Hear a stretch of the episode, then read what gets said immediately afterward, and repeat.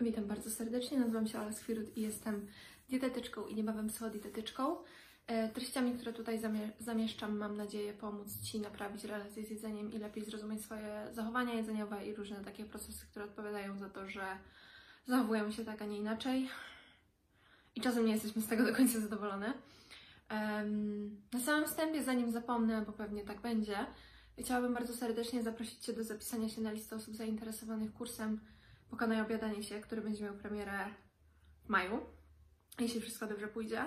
E, Kurs stworzyłam razem z Kingą Wittenbeck, e, dyplomowaną psychodietetyczką, z którą e, bardzo wiele nas łączy, jeśli chodzi o takie podejście do obiadania się i, i pracy z tym jakby problemem. Obydwie też zmagałyśmy się z tym przez wiele lat, więc rozumiemy temat od podszewki i z, z większością prawdopodobnie rzeczy, z którymi Ty się mierzysz, mamy wiele wspólnego i potrafimy to zrozumieć, bo prawdopodobnie również tego doświadczałyśmy na jakimś etapie naszego życia.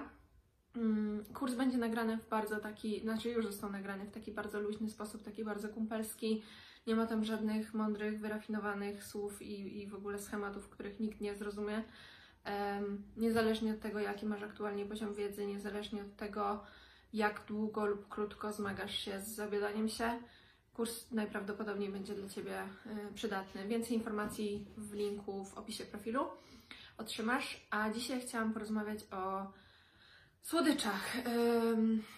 I słodyczach w insulinooporności, bo insulinooporność to coś, z czym wiele osób, z którymi mam przyjemność pracować, się no, zmaga, to może za duże słowo, których po prostu wyniki badań wskazywały na to, że mają tę insulinooporność i w związku z tym dołączając różne, do różnych for internetowych i będąc na najróżniejszych kontrolach u lekarzy i dietetyków, słyszą dużo zasad i dużo wskazówek i dużo tego, co robić, co nie robić, co się powinno, czego się nie powinno, bez zobacz, zobaczenia ich jako osoby.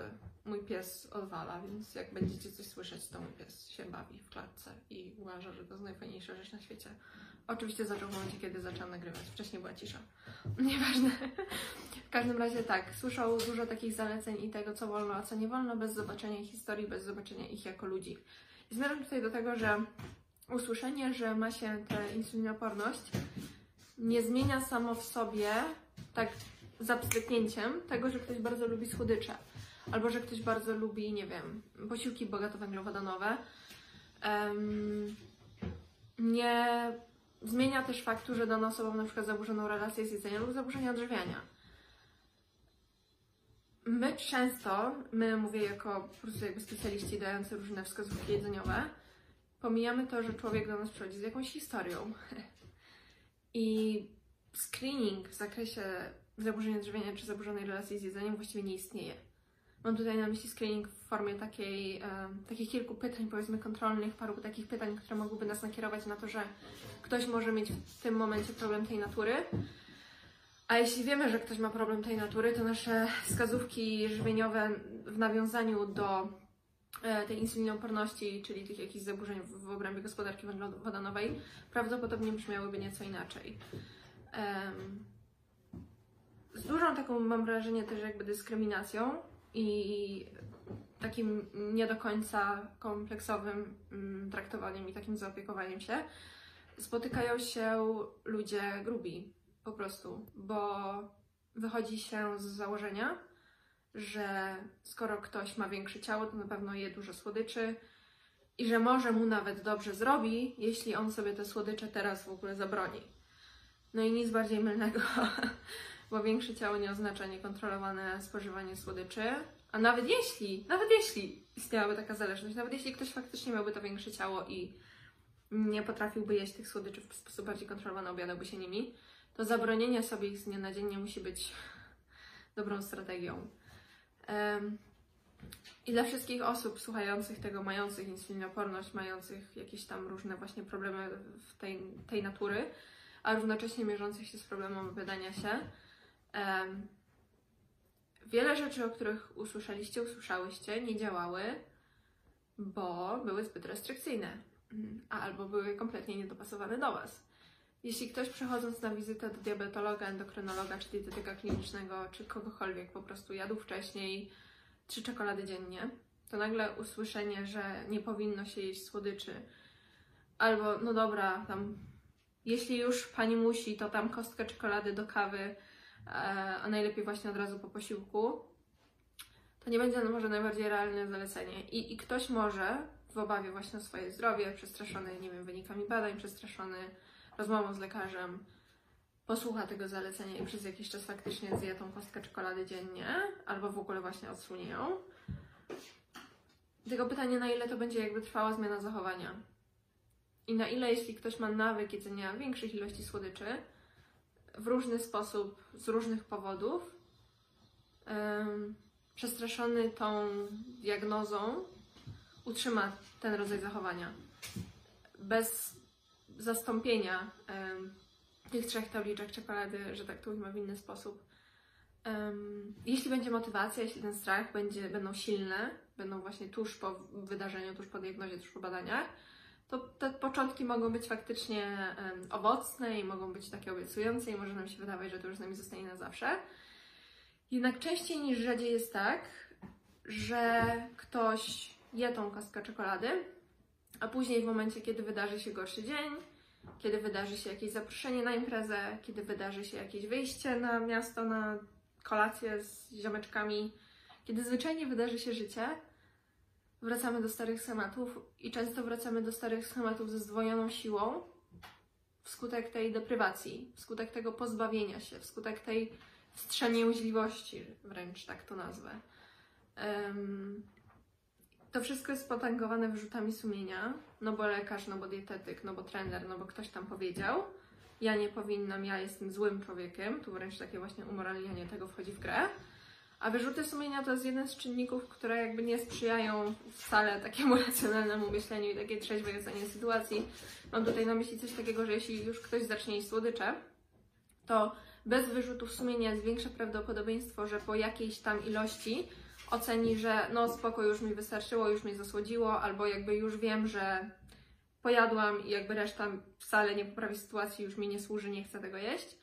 Kiedy jesteśmy nakręcane wyrzutami sumienia, może, nas, yy, może się w nas zrodzić taka chęć postępowania od jutra lepiej, postępowania od jutra grzeczniej, yy, więc najemy się tego dnia na zapas. Yy. Tylko często trudno jest wrócić tego następnego dnia do tej naszej czystej michy i tej naszej jednokostkowej rutyny. I to obiadanie się zostaje z nami. Albo pilnujemy się przez cały dzień, żeby tych słodyczy nie jeść, ale wieczorem, po całym dniu pracy, po całym dniu różnych zmagań, kiedy nie wiem, czujemy się samotne, znudzone, kiedy jadłyśmy za mało, kiedy jadłyśmy posiłki, które nam kompletnie nie smakują, bo przestrzegałyśmy jakichś, jakichś schematów jedzeniowych w ogóle z grup na Facebooku no to może się okazać, że ta satysfakcja z jedzenia jest znikoma, w związku z czym tę satysfakcję chcemy troszkę sobie nadrobić właśnie tymi słodyczami, które no nierzadko są w domu, a które my nierzadko w ogóle sobie kupujemy w dużych ilościach, z towarzyszącym poczuciem, że nie mamy wpływu na to, co się właśnie dzieje, bo nam się sytuacja wymyka spod kontroli. I nierzadko jest tak, że osoby trafiające do mnie na konsultacje psychodietetyczne to są osoby, u których generalnie temat słodyczowy był spoko, do momentu, kiedy właśnie albo zaczęły się odchudzać i miały jakiś jadłospis i miały jakieś zasady i była jakaś sztywność narzucona. Nie twierdzę absolutnie, że jadłospis jest zły sam w sobie, bo on może być bardzo pomocny, tylko on nie u każdego się zwyczajnie sprawdza.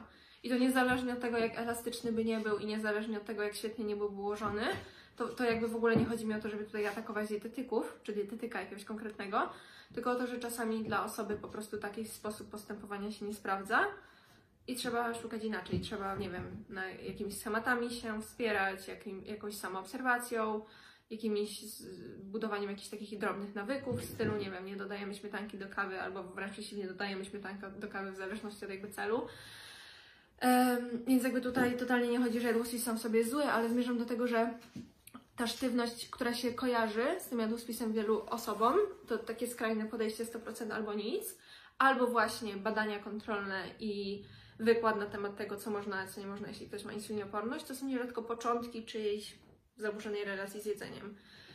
I jakby co można z tym zrobić? Y, to zależy od tego, w jakim miejscu jesteś, jaka jest Twoja historia, jakie masz swoje preferencje i upodobania. To, co ja zazwyczaj robię z osobami, które do mnie trafiają na konsultacje, to właśnie staram się wybadać temat i wybadać to, jakie kto ma um, upodobania, no bo wychodzę z założenia, że ktoś spędził ze sobą całe życie, więc zna siebie najlepiej. I ja na podstawie tam kilku spotkań, które trwają godzinę czy półtora, nie jestem w stanie dowiedzieć się aż tak dużo o tej osobie, ile ona wie o, o samej sobie. Więc badamy temat, czy właśnie sprawdza się jadłospis, czy nie. Częściej niż rzadziej jest tak, że się nie sprawdza jadłospis. Badamy sobie temat, czy jakiś taki automonitoring i samoobserwacja się sprawdza, czy ktoś jest chętny i chciałby z taką ciekawością i z taką łagodnością poprowadzić sobie taki dzienniczek żywieniowy, absolutnie nie po to, żeby się oceniać. Ja też często podkreślam to, że mi w ogóle tego dzienniczka nie trzeba udostępniać. Ja podsyłam po prostu listę takich pytań kontrolnych i sobie wspólnie rozmawiamy o wnioskach tej osoby, ale ja nie muszę patrzeć na ten dzienniczek. Jeśli ktoś się z tym nie czuje komfortowo, to w ogóle nie jest wymóg. I na podstawie tych wniosków i tych obserwacji danej osoby my sobie badamy. Okej, okay. jak się czujesz z tą ilością, nie wiem, na przykład słodyczy, albo z tą ilością chipsów, albo z tą ilością pizzy, która się pojawiła w tym tygodniu. Bo jakby nie mnie oceniać, ile to jest za dużo, ile to jest za mało, ja się odnoszę do tego, co jest dla tej osoby za dużo, a co jest za mało. I na podstawie tego, z czym ona się czuje komfortowo lub niekomfortowo, no staramy się szukać jakiejś drogi, żeby dojść do, do tego celu, jeśli można tak nazwać. Chociaż bardziej wolę się kierować takim mm, sformułowaniem, że y, staramy się ułatwić i lepiej zrozumieć, co nam pomaga dokonywać wyborów, z których my jesteśmy bardziej zadowolone. Bo cel się kojarzy z czymś takim, że osiągamy coś, i potem już nas nic nie interesuje. Jak na przykład właśnie w przypadku takiego klasycznego odchudzania. Redukujemy, redukujemy, redukujemy, żeby na przykład osiągnąć masę ciała, nie wiem, 70 kg. I jak już osiągniemy do 70, to już koniec diety, koniec w ogóle wszystkiego. 70 osiągnięte, stanę na wadze, jest 70, no to tyle. Tylko, że właśnie to, co jest najważniejsze, to jest to, co się dzieje po tym osiągnięciu tego 70, czyli czy z nami zostały te nawyki, czy z nami zostały te narzędzia, czy z nami zostały te umiejętności na przykład oceniania, co działało, co nie działało, co się sprawdzało, co się nie sprawdzało, e, co nam pomagało wrócić do, do naszego planu, do naszych nawyków, do naszych wyborów, co nas wybijało z tej drogi, jak możemy sobie pomóc w przyszłości, żeby te same wydarzenia, te same osoby, te same komunikaty mm, nie wybijały nas, nas aż tak bardzo, czy jesteśmy w stanie jakoś zmienić swój sposób interpretowania tej sytuacji, czy potrafimy wychwytywać pułapki, jakie nam funduje nasz umysł w postaci zniekształceń poznawczych. No różne rzeczy generalnie. Ale zmierzam do tego, że taki, taka forma samoobserwacji i podejście do tego z taką ciekawością, jak ja chciałabym, żeby gdzieś tam docelowo wyglądało moje odżywienie, z jaką ilością jakich produktów ja czułabym się w porządku, yy, które produkty mnie sycą, które produkty mi smakują, ile ja mam czasu w danym tygodniu czy w danym miesiącu na przygotowanie posiłków, jak wyglądają moje zasoby finansowe, danym miesiącu czy w danym tygodniu, bo to też jest istotne i to też się może zmieniać. Um, I z moich doświadczeń wynika, że kiedy staramy się iść w kierunku takim bardziej intuicyjnym, nie mówię tutaj, że w ogóle w intuicyjnym, bo wiele z tych osób chce schudnąć, a mm, podejmując y, swoje decyzje jedzeniowe w oparciu o cel, jakim jest redukcja masy ciała, no nie jemy intuicyjnie. E, ale możemy iść bardziej intuicyjnie. Mam tutaj na myśli to, że możemy sobie właśnie zapożyczać kilka takich elementów, jak na przykład zwracanie większej uwagi na ośrodki głodu lub sytości, albo zwracanie uwagi na to, czy coś nam, nas satysfakcjonuje. Zwracanie... To jest niemożliwe. Zwracanie uwagi na to, czy ilość ruchu, jaką mamy w tygodniu, nam odpowiada, czy ten ruch jest właśnie taki łagodny, taki nieforsowany, czy, czy my w ogóle mamy teraz przestrzeń na to, żeby spróbować z tym ruchem od nowa bo czasem jest tak, że e, ten ruch nam się kojarzył głównie z wyciskaniem nie wiadomo jakich ciężarów, czy zrobieniem nie wiadomo jakich ćwiczeń, z częstotliwością, która była mm, na maksa sztywna i, i w ogóle nie modyfikowalna w zależności od tygodnia i tego, co jest u nas grane w życiu. Więc czasem jest tak, że osoby są w takim trochę trybie, trauma to jest może za dużo powiedziane, ale ja to tak sobie nazywam roboczo, że ktoś ma po prostu wstręt do ruchu, do, do ćwiczeń konkretnie, bo to jest też czasami e, taki nasz temat, czy taki cel jakiegoś spotkania, żeby sobie z, z omówić jakby różnicę właśnie między ćwiczeniami a ruchem. I zaznaczyć, że generalnie nasze ciała są stworzone do tego ruchu i generalnie najczęściej jest tak, że my się czujemy dobrze mając ten ruch um, i uświadamiamy sobie też często, ile my tracimy y, rezygnując z niego i ile my tracimy pozwalając, żeby ta kultura diet, czy żeby mm, takie wręcz autoagresywne zachowania z przeszłości w postaci głodzenia się, czy właśnie torturowania się na tej siłowni, em, teraz zabierały nam te wszystkie fajne rzeczy, które się z ruchem związały. Bo kiedy się porozmawia na tej konsultacji trochę dłużej o jakby formach ruchu, formach aktywności, albo kiedy wracamy do jakichś takich fajnych okresów w życiu danej osoby, y, wtedy kiedy się czuła dobrze, jakby z tym właśnie co robi, e, to okazuje się, że tam często ten ruch był. Tylko, że był na przykład dwa razy w tygodniu, a nie sześć. Albo, że to było 30 minut tam jakiegoś marszobiegu trzy razy w tygodniu po pracy w formie takiego właśnie oczy- oczyszczenia, w formie oczyszczenia głowy, a nie sześć treningów o 7 rano, godzinnych, na czczo. Mm. Zakładając oczywiście, że ktoś tak nie lubił, no nie? Bo ktoś może tak lubić i to w ogóle nie jest moja sprawa. E, więc tak, czasem jest tak, że jak my się tak zaopiekujemy tematem bardziej kompleksowo i tak ściągniemy trochę też, też presję z tych słodyczy, czy z tych chipsów, czy z tych innych rzeczy, które są tak często demonizowane na różnych innych konsultacjach, to się okazuje, że wyniki badań się poprawiają istotnie, bo ktoś dostrzegł, jak dużo traci nie ruszając się, więc tęskni za tym ruchem, chce się czuć sprawniej, chce, żeby go, nie wiem, kręgosłup nie nawalał w wieku 25 lat, bo to już jest trochę nasza, nasza plaga i nasz problem przy tym siedzącym trybie życia i tak dalej.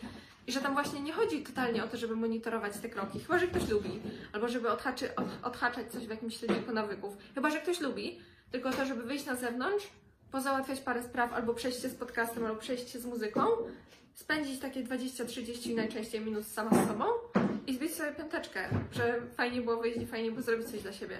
I często jest tak, że te zachowania przyjmują taki trochę efekt kuli śnieżnej, czyli zaczynamy na przykład od ruchu, czysto hipotetycznie, bo dla danej osoby to było najprzystępniejsze do wdrożenia.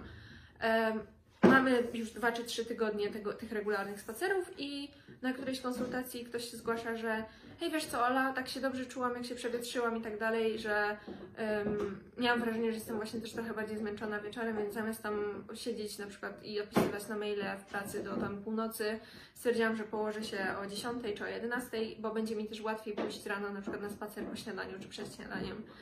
I jeśli do tego ruchu dołożymy większą dbałość o sen i wysypianie się, to to też pozytywnie wpłynie na te, ten aspekt jakby insulinoporności. Bo to nie jest tylko tak, że to, czy my zjemy batona, czy nie zjemy batona, e, w ogóle zrujnuje nam badania albo nie wiadomo jak poprawi.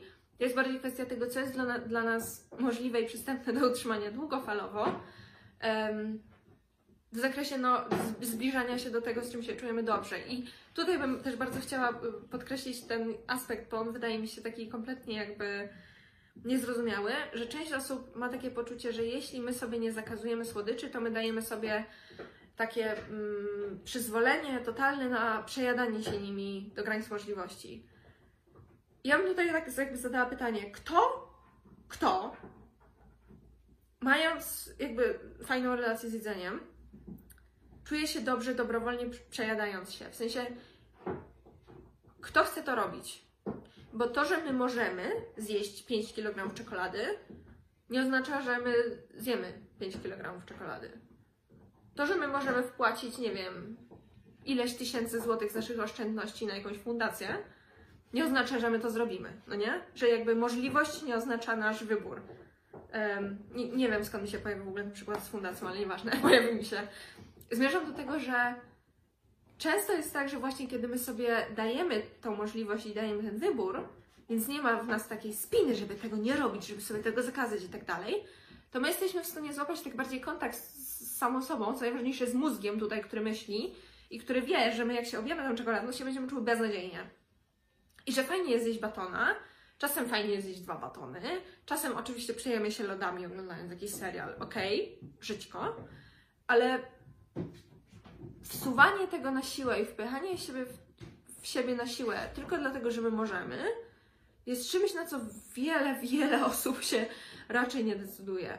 I okazuje się, że kiedy my sobie dajemy możliwość zjedzenia tego batona, na przykład raz dziennie, to po trzech tygodniach nie mamy już potrzeby jedzenia tego batona raz dziennie, mamy potrzebę jedzenia na przykład raz na dwa dni albo raz na trzy dni. Czasem zostaje on raz dziennie i to jest spoko, bo zauważcie, że jedzenie słodyczy regularnie, na naszych zasadach, w kontrolowany sposób, kiedy mamy takie założenie, że na przykład zjemy sobie banty, Twixa, Snickersa, coś tam, po obiedzie, na przykład w formie deseru, bo nam się po południu chce słodkiego, to po podliczeniu tego w skali tygodnia czy, po miesiącu, czy w skali miesiąca, bardzo często się okazuje, że nie dość, że tych słodyczy docelowo jemy mniej, to jesteśmy też bardziej zadowolone, bo jeden baton smakuje lepiej niż pięć batonów. W którymś momencie te nasze kubki smakowe się wysycają i mają już zwyczajnie dość.